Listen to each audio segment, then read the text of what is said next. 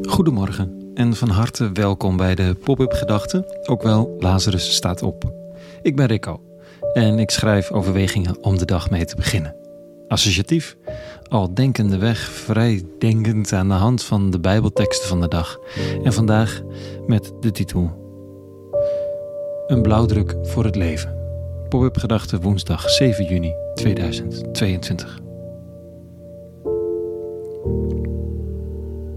Aan de ene kant zijn we ons leven lang bezig om wetten en regels van ons af te werpen. Aan de andere kant zijn we heel ons leven bezig om de wetmatigheden van het leven te begrijpen. Dit zal voor iedereen in meer of mindere mate gelden, maar zowel het proberen af te werpen als het proberen te doorgronden zal niemand vreemd zijn. Kijk, we zijn blij als we 18 worden en zelf mogen bepalen hoe we leven. En we vragen ons tegelijkertijd af hoe het werkt om op een beetje positieve manier de aandacht van een aantrekkelijke ander te vangen. Ja, toch? We willen de ene regels gretig leren en van de andere regels niets weten. We bevrijden ons uit het keurslijf van de betaalde baan, tenminste sommigen dan, hè, en lezen ons te barsten aan zelfhulpboeken met regels over succes of geluk. Wat je hieruit kunt concluderen, weet ik niet zo goed. Behalve dat ik zelf en misschien wel iedereen een nogal tegenstrijdig wezen is. Wordt helemaal interessant trouwens als je vader wordt. Ik hoor mezelf de zo vermalen dijde regels van vroeger tegen mijn kinderen grommen. En ben dan blij dat het me opvalt, dan kan ik er iets mee. Maar wat met al die keren dat ik het niet eens door heb?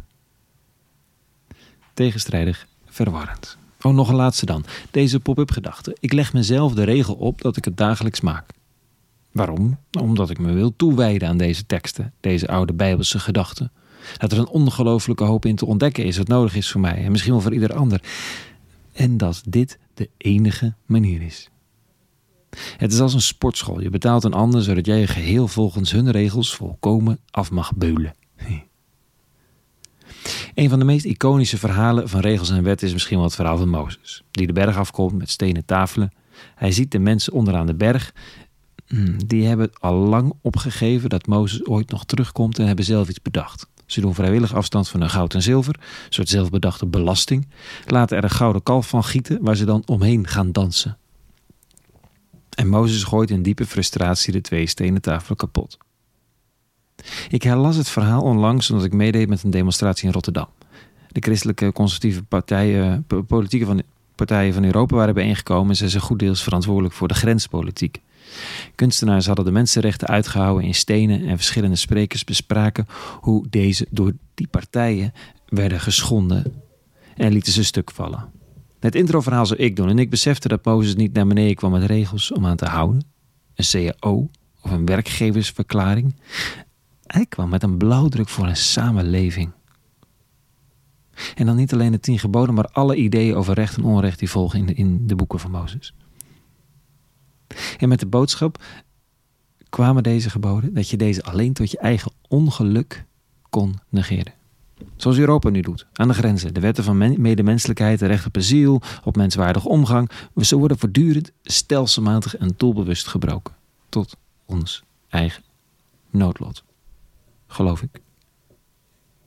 Wat zoeken we als we ons verzetten tegen wetten en regels? En als we zoeken in, in zelfhulpboeken of, of online naar wetten en regels? We zoeken de blauwdruk, het onderliggende patroon. De regels die we domweg zouden moeten volgen, die bemoeilijken de zoektocht. Die willen we kwijt. Maar dat betekent niet dat we regeloos willen leven of het allemaal zelf willen uitzoeken. We willen best luisteren, maar het moet ergens aan die blueprint raken. Die blauwdruk die in onze genen geschreven staat. Die we meestal tot onze eigen schade en schande overtreden die veel flexibeler is dan de dogmatische angstcultuur ons leert en veel harder dan de doe maar wat cultuur ons probeert wijs te maken.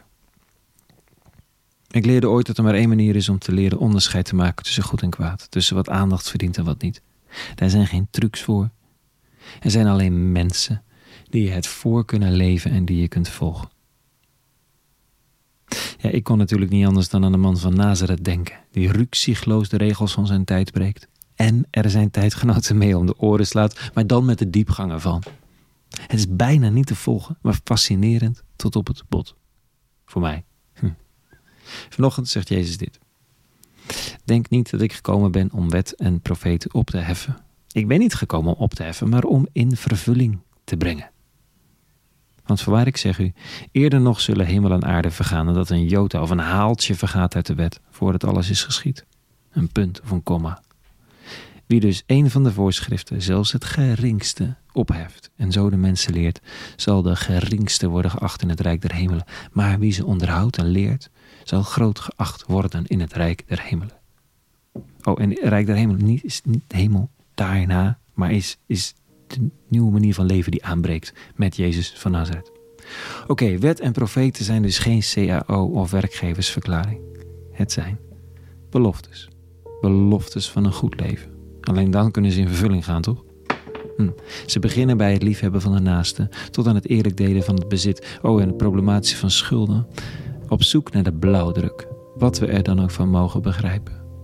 Aanvoelen, zodat we langzaam wijs worden. Dat zou toch fantastisch zijn? Een beetje wijs worden. Tot zover vanochtend.